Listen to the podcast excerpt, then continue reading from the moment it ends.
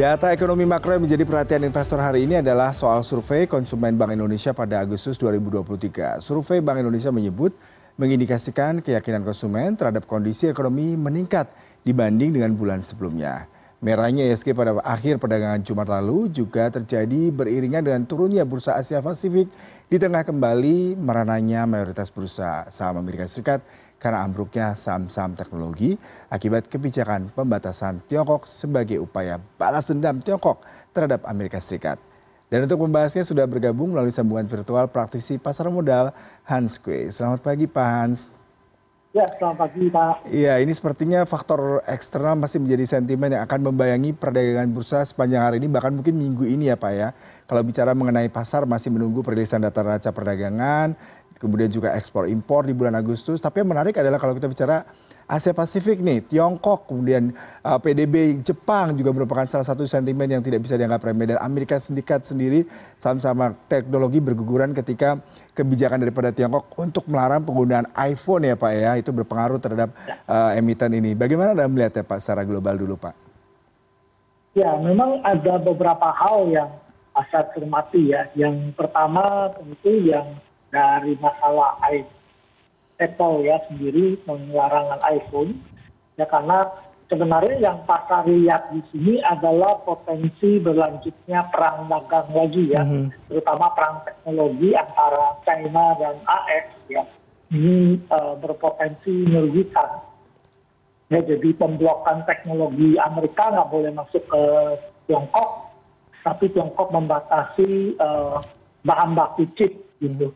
Nah, pelarangan iphone ini bagi pegawai negeri di china ini membuat harga apple jatuh gitu ya.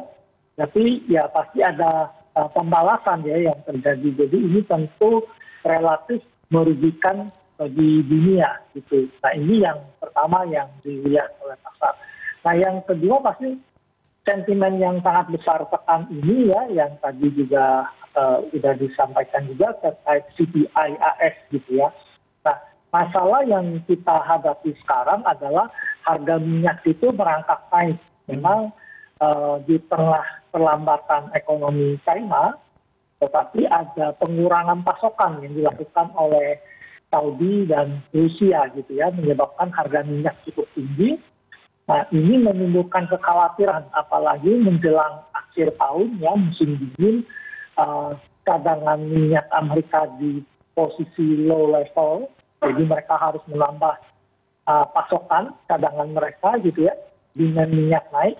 Kalau harga uh, komoditas tinggi tentu kita khawatir CPI Amerika akan bergerak naik. Nah ini yang jadi kekhawatiran pasar nah inflasi inti kelihatannya akan tetap ya di Amerika bulanan 0,2 Uh, untuk tahunan mungkin akan turun ke 4,3 ya dari sebelumnya 4,7 tetapi uh, inflasi keseluruhan itu diperkirakan naik ke 3,6 persen dari 3,2 sedangkan pada level bulanan naik ke 0,6 dari 0,2 gitu. Nah ini yang pasar khawatir karena ini sangat mempengaruhi kebijakan Federal Reserve gitu.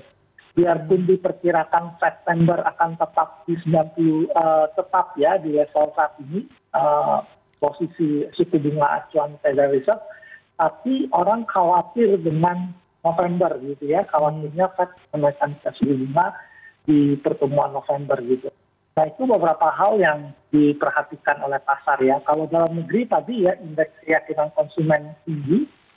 Nah, biasanya kalau indeks keyakinan konsumen di Indonesia tinggi, ini kan konsumen optimis. Berarti belanja saat ini dan belanja ke depan itu cukup baik gitu ya, karena mereka punya keyakinan ekonomi yang baik gitu jadi ini uh, dalam negeri sentimennya positif lebih banyak dipengaruhi oleh sentimen dari luar.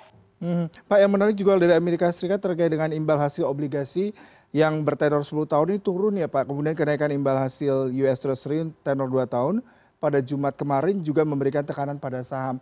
Selain tadi kemungkinan inflasi yang tinggi, CPI juga tertekan karena harga komoditi minyak meningkat terutama jelang akhir tahun, cuaca dingin, kebutuhan apa namanya energi di sana cukup masif, tapi harga minyak naik, inflasi ini berpengaruh terhadap uh, bagaimana The Fed akan memberikan kebijakan yang boleh jadi lebih cepat. Lalu bagaimana dengan kebijakan perbankan di Amerika Serikat sendiri, Pak?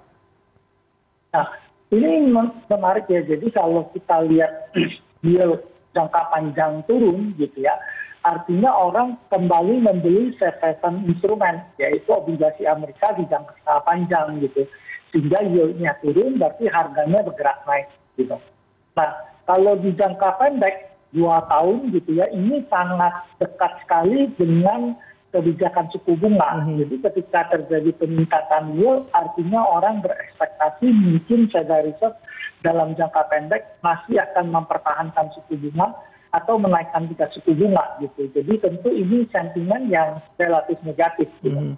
Nah ini tentu juga memberikan tekanan pada nilai tukar kita ya. Jadi mm-hmm. kalau terjadi kenaikan yield di jangka uh, uh, apa di jangka pendek, sedangkan yang di jangka panjang turun, artinya orang ada migrasi ya dana-dana bergerak balik ke Amerika membeli safe instrumen gitu, mm -hmm. seiring dengan meningkatnya risiko.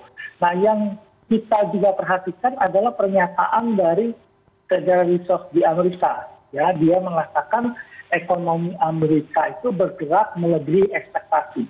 Tetapi pertumbuhan yang melebihi ekspektasi ini karena orang memakai uh, tabungan selama periode pandemi untuk melakukan belanja gitu. Mm -hmm. Jadi mereka belanja terutama liburan gitu ya dengan uang tabungan.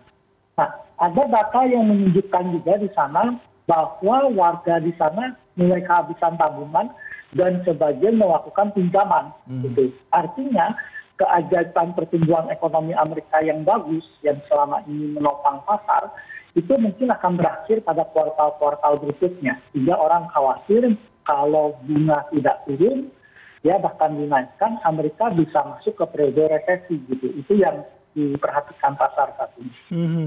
Iya, kita sekarang bergeser ke Asia Pasifik nih Pak. Tiongkok akan merilis data inflasi. Tapi di satu sisi kalau kita bicara mengenai aktivitas jasa turun 51,8. Kemudian juga impor ekspor juga di Agustus juga susut terkontraksi 8,8 persen year on year. Nah, bagaimana Anda melihat kemungkinan inflasi di Tiongkok ini Pak? Ya, kelihatannya dari data-data yang ada ekspor yang melemah gitu ya, kita memang melihat bisa saja inflasi tiongkok kembali uh, tertekan ya setelah periode sebelumnya mengalami deflasi ya. Jadi kemungkinan inflasi naik nggak terlalu banyak atau masih ada deflasi di Tiongkok. Jadi ini yang jadi masalah menunjukkan bahwa ekonomi yang terbesar kedua ya kedua atau pertama di dunia ini melambat gitu. Nah dampaknya ke kita memang adalah harga komoditas ya. Hmm. Jadi kalau Tiongkok benar-benar melambat, biasanya demand dari komoditas itu relatif uh, tertekan gitu ya. Dan ini tidak baik bagi kita karena cenderung menekan harga komoditas. Nah, pasar menantikan apa yang akan Tiongkok lakukan berikutnya ya. Jadi hmm. harapannya uh, People Bank of China, kemudian pemerintah sana lebih banyak memberikan stimulus. Karena sejujurnya masalah sektor properti di China ini belum selesai. Ya kalau kita lihat uh, kemarin Evergrande gitu ya uh, Country Garden itu kan masih bermasalah gitu ya. Jadi masih ada potensi sesuatu uh, terjadi di sana. Nah sektor properti di China itu punya kontribusi 23 sampai 25 persen terhadap GDP mereka. Dan properti itu dipakai 70 persen ya oleh orang-orang kaya untuk penyimpanan hmm. kekayaan. Jadi kalau terjadi sesuatu pada sektor properti ini pasti impact-nya cukup besar pada perekonomian China sendiri. -hmm. Yang ini kita menarik berbicara mengenai komoditi Pak. Kalau harga minyak ini selalu naik dan yang terakhir bahkan minyak mentah berjangka Brent pengiriman November naik 73 sen atau 0,8 persen Pak di 90 US dollar. Juga pasti berpengaruh ya terhadap postur APBN kita karena di tahun 2024 hanya 82 US uh, dollar per barrel. Seperti apa ini Pak kemungkinan kenaikan harga yang sangat gratis seperti ini Pak?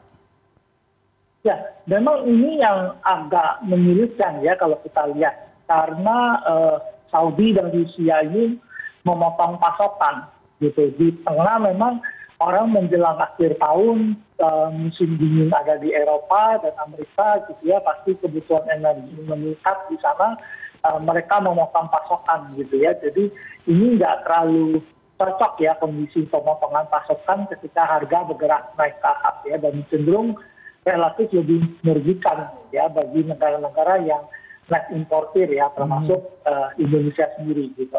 Tapi memang kita cukup terbantu sebenarnya ya neraca perdagangan kita relatif pun melambat tapi cukup bagus ya. Jadi uh, kita lihat di sana harga uh, batu bara juga mulai merangkak naik ya posisinya ya biarpun belum seperti tahun lalu tapi bergerak naik. Jadi itu uh, bisa membalance posisi kita. Selain itu memang sesudah kita melakukan smelter atas beberapa komoditas ya itu kita lihat neraca perdagangan Indonesia saat ini jauh-jauh lebih tangguh dari beberapa tahun sebelumnya ya. Hmm. Jadi ini salah satu sentimen yang cukup positif bagi uh, dalam negeri. Nah resiko kita selalu ada di nilai tukar ya. Jadi kalau uh, perubahan kebijakan global yang terjadi biasanya memberikan tekanan pada nilai tukar kita. Hmm, kita bicara mengenai inflasi lagi nih Pak di Amerika Serikat salah satu yang menjadi momok ya karena akan berbanding lurus dengan kebijakan The Fed kemudian juga tadi kebijakan-kebijakan terkait dengan apa uh, sektor perbankan di sana. Nah, bagaimana proyeksinya? Kalau di bulan Juli kemarin kan 3,4 persen, apakah akan kembali naik di atas itu Pak? Karena memang kemungkinan tadi beberapa data di Amerika Serikat CPI kemudian juga apa beberapa komoditi naik, apakah itu juga menjadi sinyal negatif terkait dengan inflasi di Amerika Serikat ke depannya Pak? Ya, jadi kalau kita lihat pelan pelan kelihatannya inflasi inti itu mulai turun posisinya ya biarpun uh, uh, indeks uh, harga pengeluaran konsumsi pribadi AS itu relatif masih lumayan tinggi gitu ya ini uh, inflasi inti dan harga uh, pengeluaran konsumsi pribadi ini menjadi dua indikator utama yang diperhatikan saudari dalam membuat kebijakan. Nah, tetapi memang kelihatannya CPI ya inflasi secara uh, total kelihatannya mulai naik kembali ya. Prediksi di pasar menunjukkan ekspektasi di 3,6 ya, sebelumnya 3,2, sebelumnya lagi 3 persen gitu ya. Jadi terjadi mulai gradually kenaikan ya inflasi uh, total Amerika gitu ya. Dan di level bulanan diperkirakan juga naik ke 0,6 dari sebelumnya 0,2 ini memang tidak terlepas dari perkiraan bahwa harga komoditas mulai bergerak naik kembali dan hmm. memberikan uh, tekanan gitu. Nah, kelihatannya Federal Reserve mungkin September udah terlalu dekat. Kelihatannya dia akan stay suku bunga. Tapi kalau inflasi nggak turun, peluang November ada satu kenaikan. Nah, kenaikan November ini kalau saya lihat belum diantisipasi pasar ya. Jadi kalau seandainya Fed menyatakan kelihatannya November bisa naik, kita khawatir memang targetnya bisa uh, tertekan atau terjadi koreksi.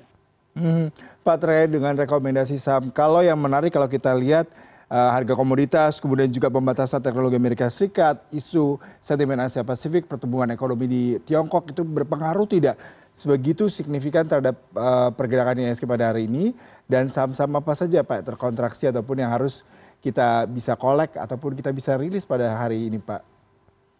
Ya, memang kalau kita lihat masalah kita di September itu biasanya marketnya kehilangan momentum gitu ya. Jadi laporan tengah tahun biasanya di Agustus sudah berakhir. Jadi September ini nggak punya banyak trigger. Laporan kuartal 3 baru keluar di hmm. Oktober gitu ya. Sehingga memang biasanya September ini market lebih cenderung terkoreksi tertekan turun gitu ya hmm. jadi uh, ini bisa kita pakai untuk melakukan uh, akumulasi beli ya di bulan September ini. Hmm. Nah saham yang kita rekomendasikan seperti Aces ya, ini bisa kita beli di 715 sampai 730, cut loss di bawah 700, target kita 760 sampai 775. Yang kedua Asri ya, kita bisa beli di 176 sampai 184, ini sektor properti ya cut loss di bawah 172 target kita 191 sampai 195 kemudian base ya ini memang terkoreksi juga. Kita bisa akumulasi dulu di 1630 sampai 1660 1630 sampai 1660 ya. Cut loss di bawah 1590 target kita 1720 sampai 1765 Kemudian PPIA juga terkoreksi ya dalam tren naik. Kita masih beli di 1995 sampai 2040. cut loss di bawah 1950, target kita 2125 sampai 2200. Kemudian KLDF juga dalam tren yang turun ya, berpotensi rebound di jangka pendek. Akumulasi beli di 1660 sampai 1720. Cut loss di bawah 1620, target kita 1760 sampai 1875.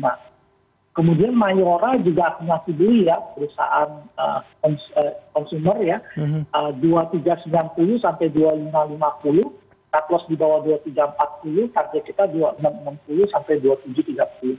Yang terakhir SMRA ya, ini properti beli di 595 sampai 640, cut loss di bawah 580, target kita 660 sampai 695. Mm -hmm. Baik Pak Hans, terima kasih sekali buat perbincangannya pagi hari ini Pak. Semoga pasar tidak terlalu reaktif ya terhadap kondisi sentimen-sentimen global terutama dari Asia Pasifik dan juga Amerika dan bisa terkonsolidasi cukup baik pada hari ini. Terima kasih untuk perbincangannya Pak, selamat pagi, selamat sehat selalu. Ya, terima kasih Pak, selamat pagi.